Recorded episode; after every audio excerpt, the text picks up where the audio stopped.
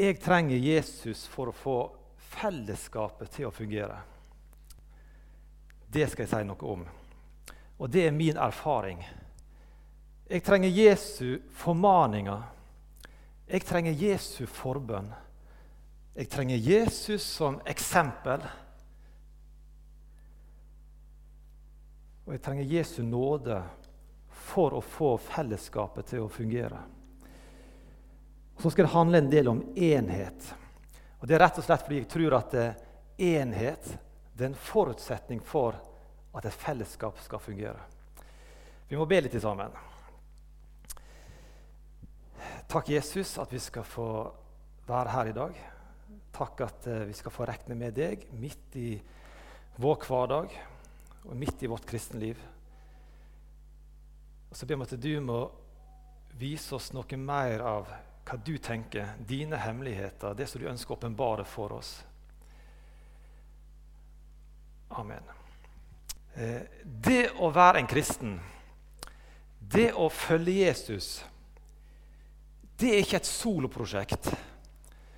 Det er greit nok at det handler om et, eh, et personlig valg. Men, men, jeg klarer ikke å se at, eh, at, at, det å være en kristen, at det å følge Jesus, at det, at det er noe som jeg skal gjøre for min egen del. Jeg klarer ikke å se at Bibelen er så individualistisk orientert som det kanskje vi er i den norske kulturen, i vårt samfunn i dag. Den kvelden da Jesus ble tatt i fange, så var han sammen med disiplene på Øvresalen og Så hadde han innstifta nattverden, og han hadde holdt en avskjedstale. Og så ber han for disiplene sine. Og han ber for oss òg. Jeg ber ikke bare for deg, altså for disiplene, men også for dem som gjennom deres ord kommer til tro på meg. Altså Han ber for sine som er samla der og da. Og så ber han for alle kristne til alle tider. Han ber for oss må de alle være ett, slik du, Far, er i meg, og jeg i deg. Det å være en kristen, det å følge Jesus, det handler om at, det, at det dette vi At det blir større enn jeg. Ja, du blir ett med Jesus Kristus ved hans eh, død for deg, ved forsoningen, ved hans oppstandelse. Men du blir også ett med alle kristne til alle tider. Og Modellen for denne enheten som på en måte Jesus snakker om her, det er selveste treenigheten. Altså relasjonen mellom de som er med i treenigheten. Gud Far som skaper, Gud Sønn som forsoner, Gud Ånd som livgiver. Og så syns jeg det er utrolig fascinerende å se at, eh, at i denne modellen for enhet så er mangfold det er en forutsetning for enhet. Jeg vet ikke om du har tenkt det. Altså, Fordi de er forskjellige, så kan de være ett. Hvis alle hadde vært like, da hadde det ikke vært enhet. Da hadde det vært uniformisme. Bare se for deg en, en skole der alle går i uniform. Men fordi det er et mangfold, da kan det være en enhet. Mangfold det er en forutsetning for enhet. La den tanken ligge der litt i, i bakhodet. Og så er det ikke sånn at den sanne kristne kirke finnes på ett bestemt sted til ei bestemt tid i én bestemt by med én bestemt flokk. Den sanne kristne kirke den er mangfoldig. Og Jeg har tenkt en del på det som eh, også ble lest litt her innledningsvis. Det som står i Efeserbrevet 3, 14-21.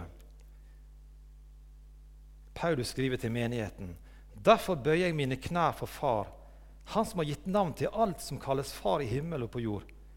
Må Han som er så rik på herlighet, gi deres indre menneske kraft og styrke ved sin ånd.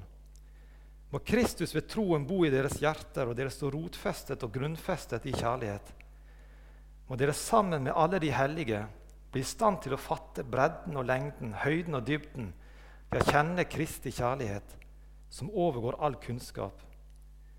Må dere bli fylt av hele Guds fylde, Han som virker i oss med sin kraft og kan gjøre uendelig mye mer enn det vi ber om og forstår. Han være ære i Kirken og i Kristus Jesus gjennom alle slekter og evigheter. Amen. Altså, Paulus han ber om at de hellige, altså at de kristne må bli i stand til å fatte hva som sto bredde og lengde, høgde og dybde. Ja, kjenne Kristi kjærlighet, som overgår all kunnskap. Altså, Det er målet. Så står det noe her om hvordan det skal skje. Jo, det skal skje sammen med alle de hellige.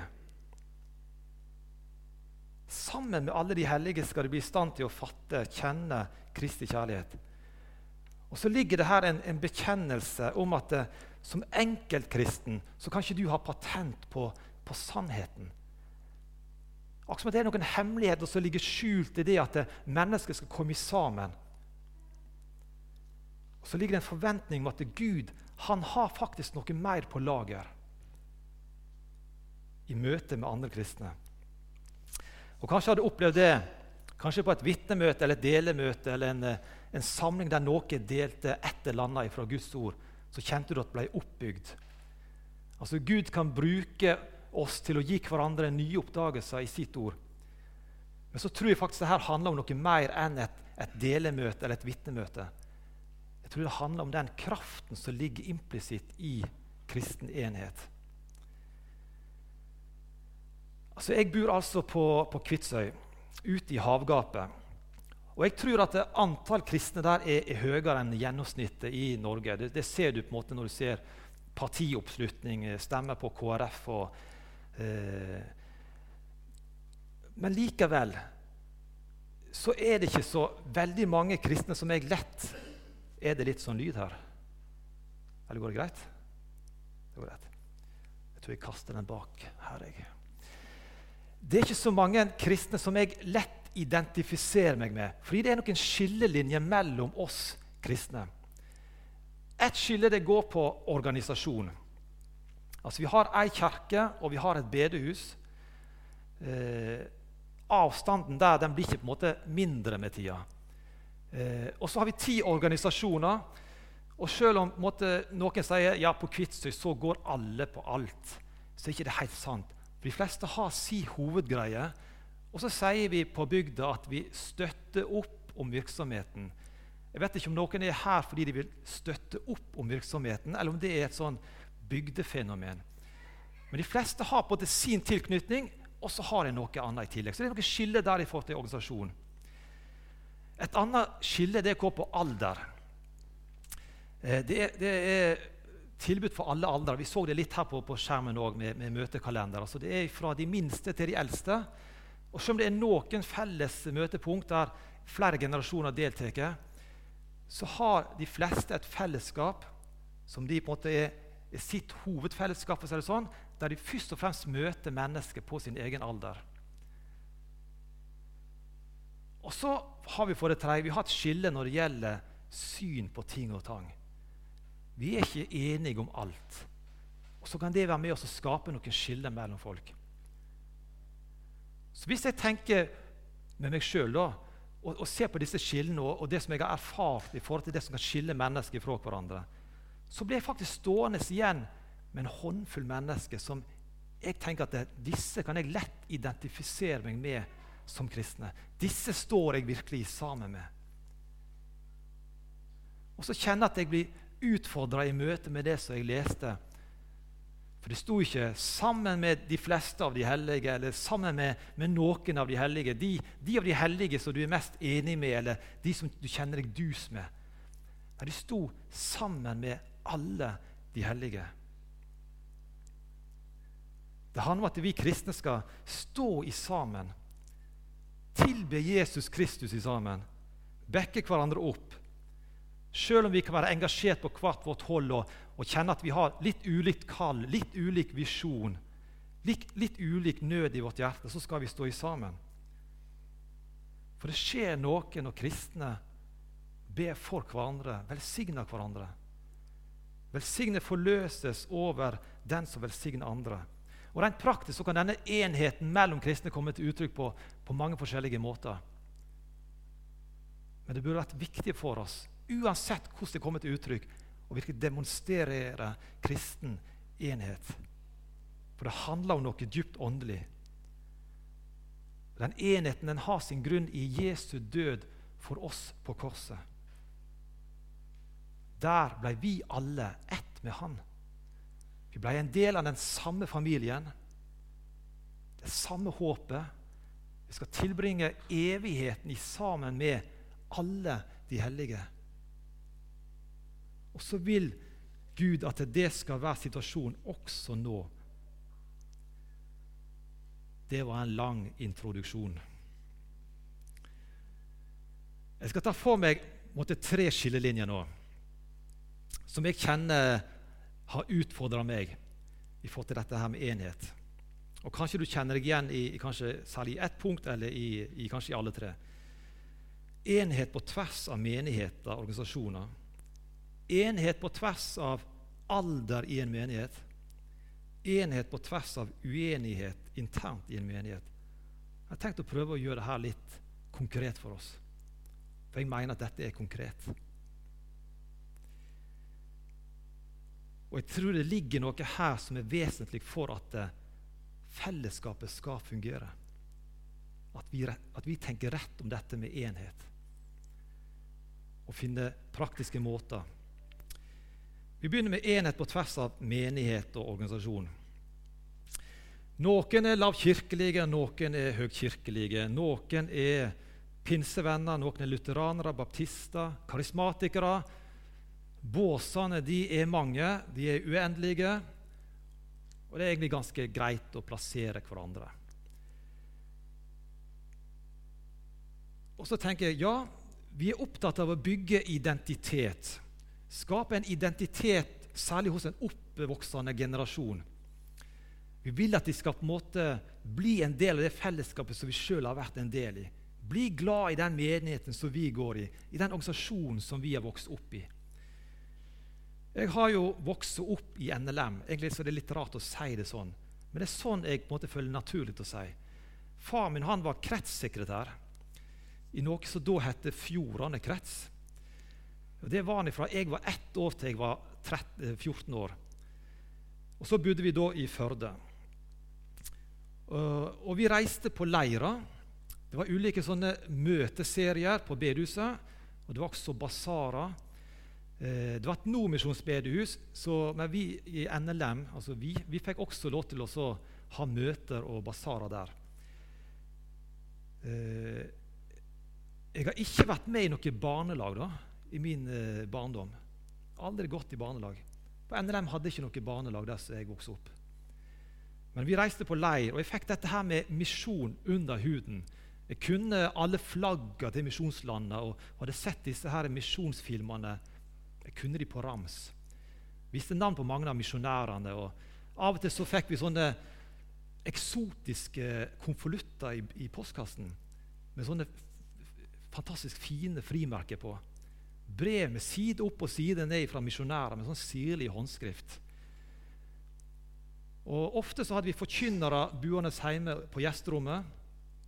Masse rare personligheter. Mange kjekke folk. Og For meg så er det her det er gode minner. Og jeg kjenner at jeg er, jeg er glad i NLM.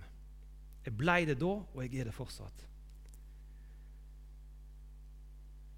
Jeg tror det er mulig å utvikle en usunn forkjærlighet for sin egen menighet, for sin egen organisasjon.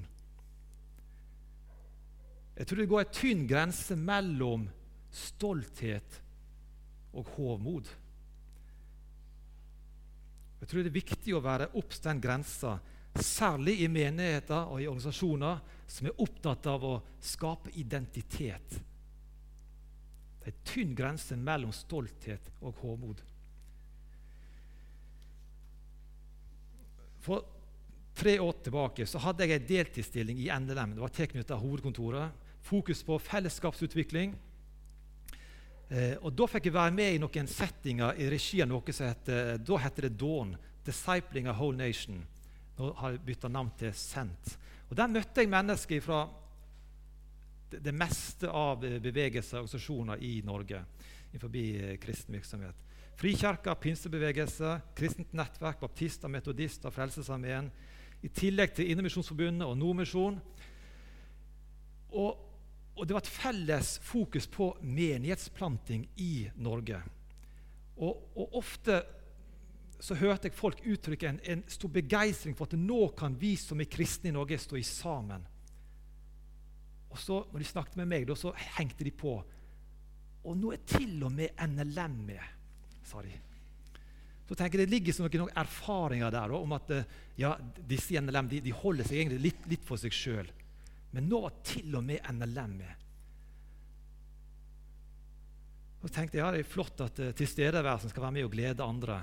Og så tenkte jeg det skulle bare mangle. NLM som ønsker å, å om seg sjøl ønsker å ta Bibelen på alvor, være bibeltru. Det skulle bare mangle at en tok Bibelens tale om enhet på alvor. Selvsagt så trenger det en, en, viss grad av enighet for å kunne ha kristen enhet. Det er ikke sikkert alle mennesker som er kristne, skal bygge den samme lokale menighet. Så kan det være krevende å tydelig definere ja, hvor, hvor går grensen Hva er det, det, minste felles vi må ha? Jeg tror det er mulig å skille litt mellom sentrale sannheter og litt mer perifere sannheter når det gjelder kristen lære og, og kristen eh, tru. Vi kan tillate oss å være uenige om det som er litt mer perifert. Og så trenger vi å være enige om det sentrale. Og Uten at jeg skal bruke lang tid på det, så tenker jeg at eh, sentrale sannheter det handler om bl.a. Guds vesen og natur, synet på treenigheten, Guds evige frelsesplan, trua på Bibelens autoritet, skaperordningen, livets to utganger, misjonsoppdraget, perifere sannheter dette er farlig, sant?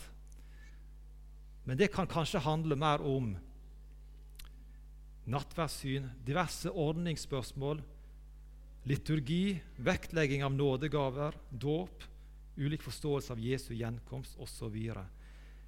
Og så vet jeg at det, her, det er vanskelige skiller, og, og, folk vil ha ulike tanker om hva er det som er sentralt, og hva er det som er perifert. Og Så kan vi bli strukket i to retninger. Fordi i Bibelen så møter vi et alvor i forhold til det å holde fast på den rette lære. Og så møter vi et alvor i forhold til det å holde fast på enheten.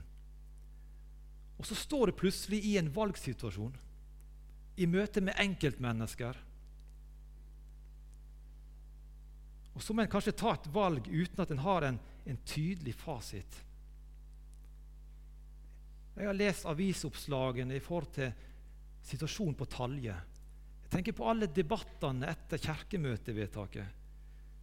Jeg tenker på alle diskusjonene rundt omkring i forsamlinger og på bedehus. Hvem skal få leie huset vårt?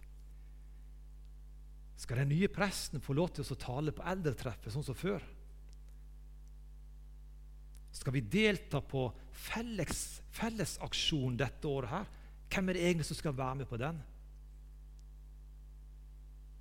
Hvem skal vi samarbeide med om ungdomsarbeidet? Har det blitt sånn at det, nei, kanskje vi må starte vårt eget ungdomsarbeid nå? Hvem kan vi arrangere møter i sammen med? Hvem kan vi på en måte etablere en forsamling i sammen med? Jeg tror disse problemstillingene er uendelige. Så tenker jeg, Hva er det som preger meg i møte med de utfordringene som jeg kjenner på i mitt liv. Jeg tror vi har en case dersom iveren etter å markere uenighet, iveren etter å markere en, en, en teologisk avstand Hvis den iveren er større enn iveren etter å markere enhet Vi skal ikke viske vekk skillene mellom oss. Vi skal stå i sammen likevel med alle de hellige. Det handler om å velsigne hverandre, heie på hverandre, tale vel om hverandre. Og Her tror jeg at eh, vi som tilhører bedehusbevegelsen, som tilhører kanskje NLM, vi har noe å lære av den mer frikirkelige retningen. Det tror jeg. Vi fått til å heie fram andre medsøsken. Det var det første. Og Så vil jeg si noe om enhet på tvers av, av alder. Jeg tror jeg kan si at jeg har vært engasjert i barne- og ungdomsarbeid helt siden jeg var ungdom sjøl. Eh, og I fem år så fikk jeg jobbe i eh, det som da het Stavanger krets, med ansvar inn mot barne- og Der fikk jeg jobbe sammen med mange dyktige barne- og Det som gjerne kan skje da, når du er på en måte sammen med dyktige folk, forstå meg rett, det er at du mister litt av frimodigheten sjøl. Jeg vet ikke om noen har opplevd det. At noen kan faktisk være så god på det som de holder på med, at du, du mister litt trua på at du sjøl har noe å bidra med. Og Det skal jo ikke skje, men jeg tror det skjer. Og det skjedde med meg. Jeg er utrolig takknemlig for alle de jeg fikk jobbe sammen med. Og Så skjedde det noe med min egen frimodighet som gjorde at jeg tenkte at eh, jeg får holde meg på kontoret og holde på med det som jeg måtte, kan fikse. Og for de andre de får være ute i, i feltet, ta seg av det, det, med ungdommene. Og så kan jeg være en som, som heier litt. Og så var det en dag, jeg tror det var i januar Det var en av disse gode kollegaene mine. og hadde jeg, Dette hadde jeg planlagt å si før jeg visste på en måte hva som var settingen her i dag. Eh, men det var en god mann som heter Sveinung Tingbø. Kjekt å se deg, forresten. Eh, som sa noe på et arbeidermøte på, på Riska som snudde tanken hos meg. Jeg tror ikke det han sa at det var noe som var veldig revolusjonerende, da. men det snudde om på mine tanker. Budskapet var enkelt, og han sa det på sin måte. Det handler om å bry seg. Jeg vet ikke om du husker det sjøl, Sveinung. Og der fant jeg faktisk en frimodighet som gjorde at jeg tok noen grep lokalt der som jeg bor. Så De siste ti åra har jeg vært engasjert i, i, ungdomsarbeid. Det som jeg ikke hadde frimodighet til å, å fokusere på, sånn rent praktisk for min egen del. Og så har jeg fått stå overfor ungdommer som har tatt et standpunkt for, for, Jesus. Og Det som kanskje har gjort særlig inntrykk, det er å få se ungdommer som, som sier at jeg ønsker å følge Jesus selv om mamma og pappa ikke tror. Og så har jeg fått kjenne litt på den smerten som kan ligge der, fordi det går så dypt. Med et skille som går inn i evigheten. Hvordan kan Gud, som er så kjærlig og allmektig, gjøre at, det, at det mamma og pappa går fortapt? Og så har jeg fått se at for, for mange ungdommer så blir, blir dette for tøft. Både den delen og det å, å, å, å flytte og, bytte skole og inn i et nytt miljø. Så ser jeg at de fleste de, de detter av. Det kan også skje med ungdommer som er fra hjemme der foreldrene er, er, er truende òg. Noen glir sakte, men sikkert ifra. Andre der ble det kanskje avslutta før det fikk begynne. Historiene er mange, og de er forskjellige. Og Jeg skal være forsiktig med å komme med, med lettvinte forklaringer og løsninger. Men jeg våger likevel påstå at det å gi et barn, det å gi en ungdom, en alderstilpassa fritidsaktivitet med en andakt, kanskje et kakestykke, en kveld hver 14. dag Det er ikke nok. Forstå meg rett. Guds ord er kraftfullt. Gud er allmektig. Han kan møte et enkeltmenneske i et nu og forandre det for alltid. Men når vi skal være ansvarlige ledere, så er vi nødt til å strekke oss så langt som vi kan. Barn og ungdom i dag de trenger en familie mer enn et fritidstilbud.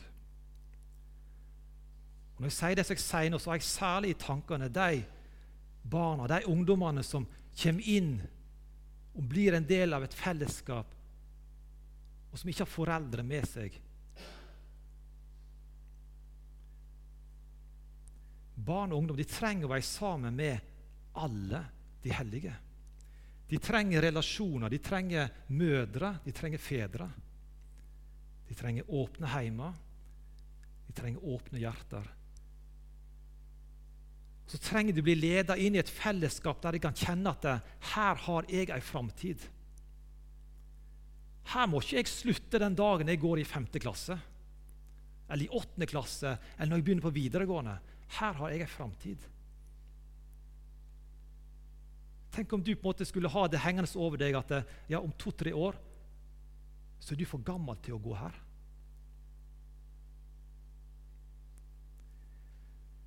Hva skjer da? Jeg syns det er flott med aldersdelte aktiviteter. Jeg er med og driver det sjøl. Men det kan ikke stå alene. Fordi det å være en kristen det handler om å være en del av en familie. Det er jo ikke sånn i heimene våre at, at ungene sitter isolert på barnerommet fra de er 0, 3, 4 og opp. Og så avslutter de på en måte karrieren i heimen med tre år i kjellerstua. Det er jo ikke sånn det er. Da kommer de aldri hjem igjen når de flytter ut. Nei, vi lærer de at de er en del av en familie. Der vi eter sammen, vi tilbringer tid sammen. Vi hjelper hverandre. Vi bidrar for fellesskapet.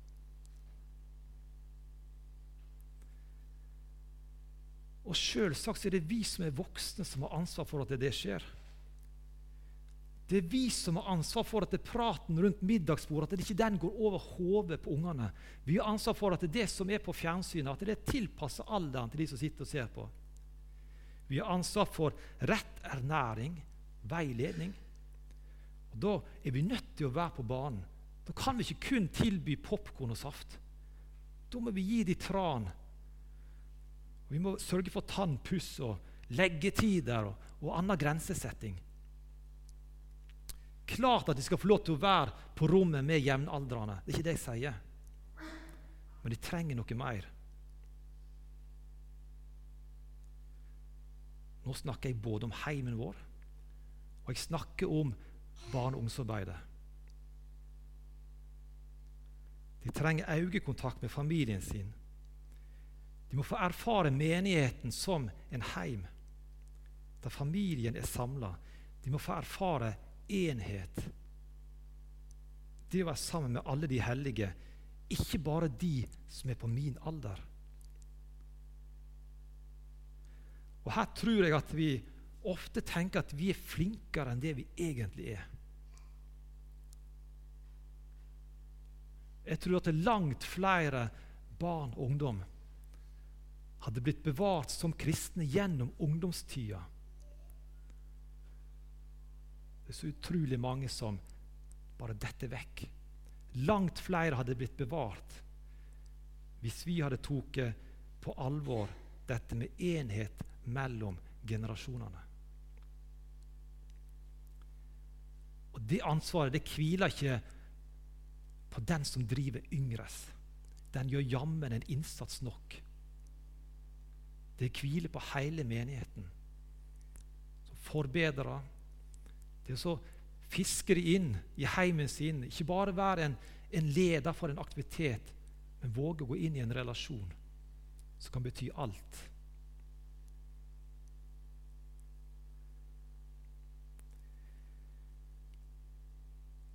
Det siste jeg vil si noe om, det handler om enhet på tvers av intern uenighet. Jeg tror at uenighet, splittelse, det er et av de mest effektive redskapene som djevelen har for å ødelegge fellesskapet. Bibelen er så klar på at djevelen er kun ute etter å ødelegge. Og Sjøl sitter jeg med noen erfaringer som jeg gjerne skulle vært foruten. Både fra lokalt der jeg bor, fra tida jeg har jobba i NLM òg. Situasjoner der jeg ikke sto i sammen med alle de hellige. Situasjoner der jeg ble stående sammen med de hellige som tenker likt som meg. Jeg vet hvor energitappende uenighet kan være, enten det bunner i musikkstil og strategiske valg, eller økonomiske prioriteringer eller ledelsesproblematikk, hva det måtte være. Og jeg vet at det er lett å falle. Det blir tulla inn i et, i et nett av alliansebygging og baksnakkelse.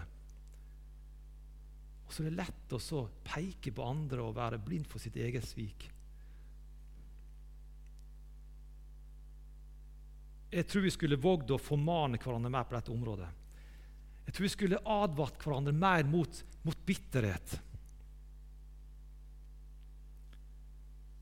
Advart hverandre mot alvoren av uoppgjort synd når det er snakk om ødelagte relasjoner. Vi skulle vært flinkere til å peke på at det er noen dimensjoner i Jesu kjærlighet som kun kan oppdages i sammen med alle de hellige. Jeg tror de fleste forsamlinger opplever relasjonelle utfordringer i større eller mindre grad. Fordi en tenker forskjellig, har ulikt synspunkt på praktiske, og strategiske og åndelige valg. Hva er veien videre for oss nå? Og Unåde det har en tendens til å smitte. Jeg vet ikke om du har erfart det? At Når unåde blir satt ord på, så sprer han seg. Men så har nåden òg en tendens til å smitte. Og det er faktisk mulig å elske forskjellighet, særlig fordi det er en forutsetning for enhet. Og enhet, det er Guds hjertesak. En engelsk prest som heter Mike Breen han har skrevet en notatbok for disipler. Kanskje noen har lest noe av det som han har skrevet der han på en måte grovt sett deler mennesker inn i to typer mennesker. Du har på en måte cowboyene, og så har du settlerne. Cowboyene dro vestover og inntok nytt land. Eh, settlerne de reiste etter, bygde byene, lagde lover og dyrka jorda. Og Så er det litt sånn i kristent arbeid òg. Noen er litt cowboy. De liker utfordringer. Nye ting må skje. Utadretta virksomhet. De er impulsive.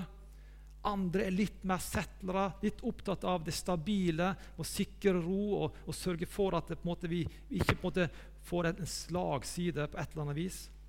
Og så kan det oppstå spenninger når disse mennesketypene skal jobbe sammen og bygge menighet sammen. Og så tenker jeg, Når jeg leser i Nytestament, så ser jeg litt av den samme spenningen mellom Paulus og, og, og Jakob, Jesu bror. Paulus var opptatt av å nå ut til hedningene ble beskyldt for å ta lettvint på det læremessige. Jeg har ikke har lest det. Også Jakob da på sin side, som styrte menigheten i Jerusalem, var opptatt av å holde loven og beskytte den rette læren. Og Så var det to forskjellige tanker, kanskje. Med to viktige tanker. Og Kanskje har vi noen ganger en tendens til at vi lar den ene tanken skygge litt for den andre. Spenningen mellom Paulus og Jakob det handler ikke om en uenighet når det gjelder lov og evangelium, men det handler mer om hva nød de hadde i sitt hjerte. Og ikke det er nettopp det som vi kan se også i forsamlinger og i menigheter? Noen melder seg ut av Den norske kirke av samvittighetsgrunner pga. læremessige avvik. Andre velger å bli stående og strekke strikken langt i forhold til det å skulle kunne markere en, en, en, en et brudd i enhet uten å på en måte melde seg ut. Fordi det er noen muligheter der som vi bare må være med og, og utnytte. Så kan vi ha forskjellige altså ulikheter på andre felt òg. Noen tenker at i dagens situasjon, der kristendommen har trange kår, så er vi nødt til å etablere kristne friskoler. Andre tenker i dagens samfunn der kristendommen har trange kår, så er vi nødt til å få flere kristne lærere inn i den offentlige skolen. Virkelighetsbeskrivelsen er den samme. Nøden er den samme, men konklusjonene er forskjellige. Så fins det flere sånne typer spørsmål som kan splitte et kristent fellesskap, og karakteristikkene kan hagle, og så blir det vanskelig å stå i sammen. Trenger Jesus for å få fellesskapet til å fungere? Trenger Jesu formaninger? Trenger Jesu forbund Jesus som eksempel og trenger Jesu nåde for å få fellesskapet til å fungere. Kristen enhet det er mer enn et kristent ideal. Det er mer enn en kristen plikt. Det er Guds hjertesak. Og det må det også være vår hjertesak. Ikke noe vi skal ha fokus på når vi får overskudd og tid. Jeg går mot avslutte, men jeg har lyst til å lese noe som vi finner i Filipperbrevet 2.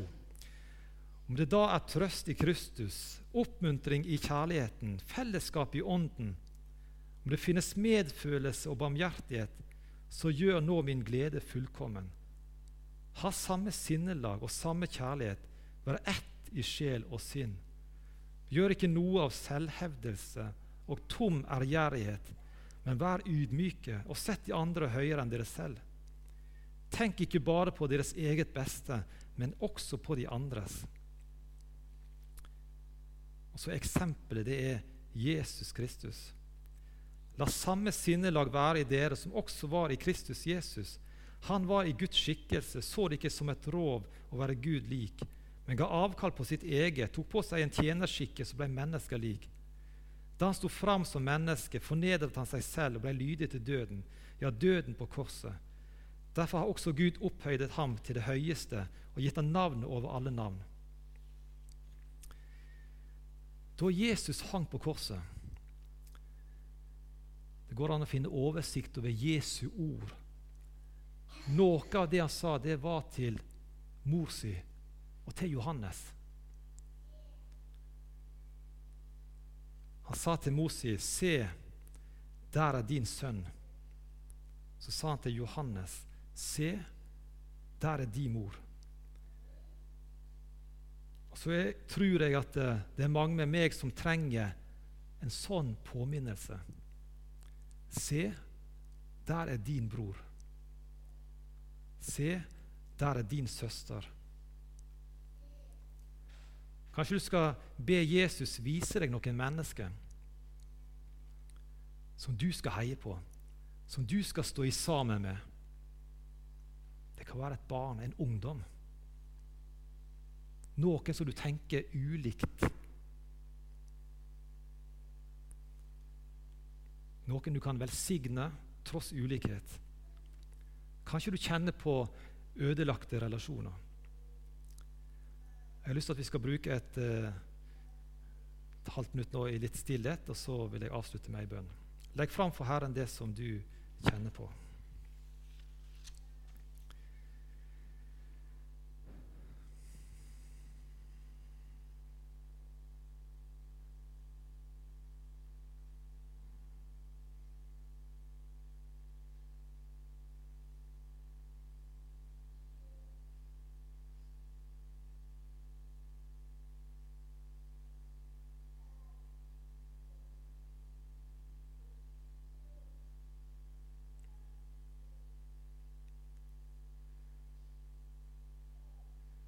Ja, takk, Jesus, for at du gjorde oss ett med deg når du døde på korset.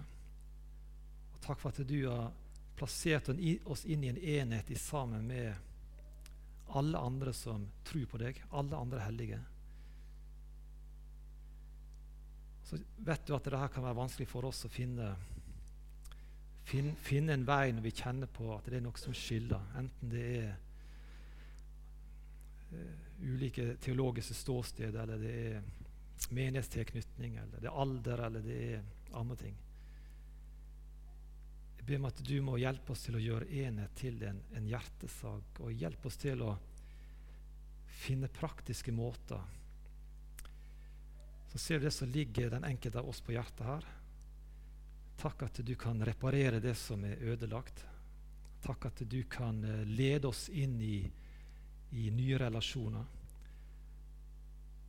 Og Jeg ber om at du må fylle oss med raushet og med en trang til å stå i sammen med ikke bare noen av de hellige, men alle de hellige. Amen.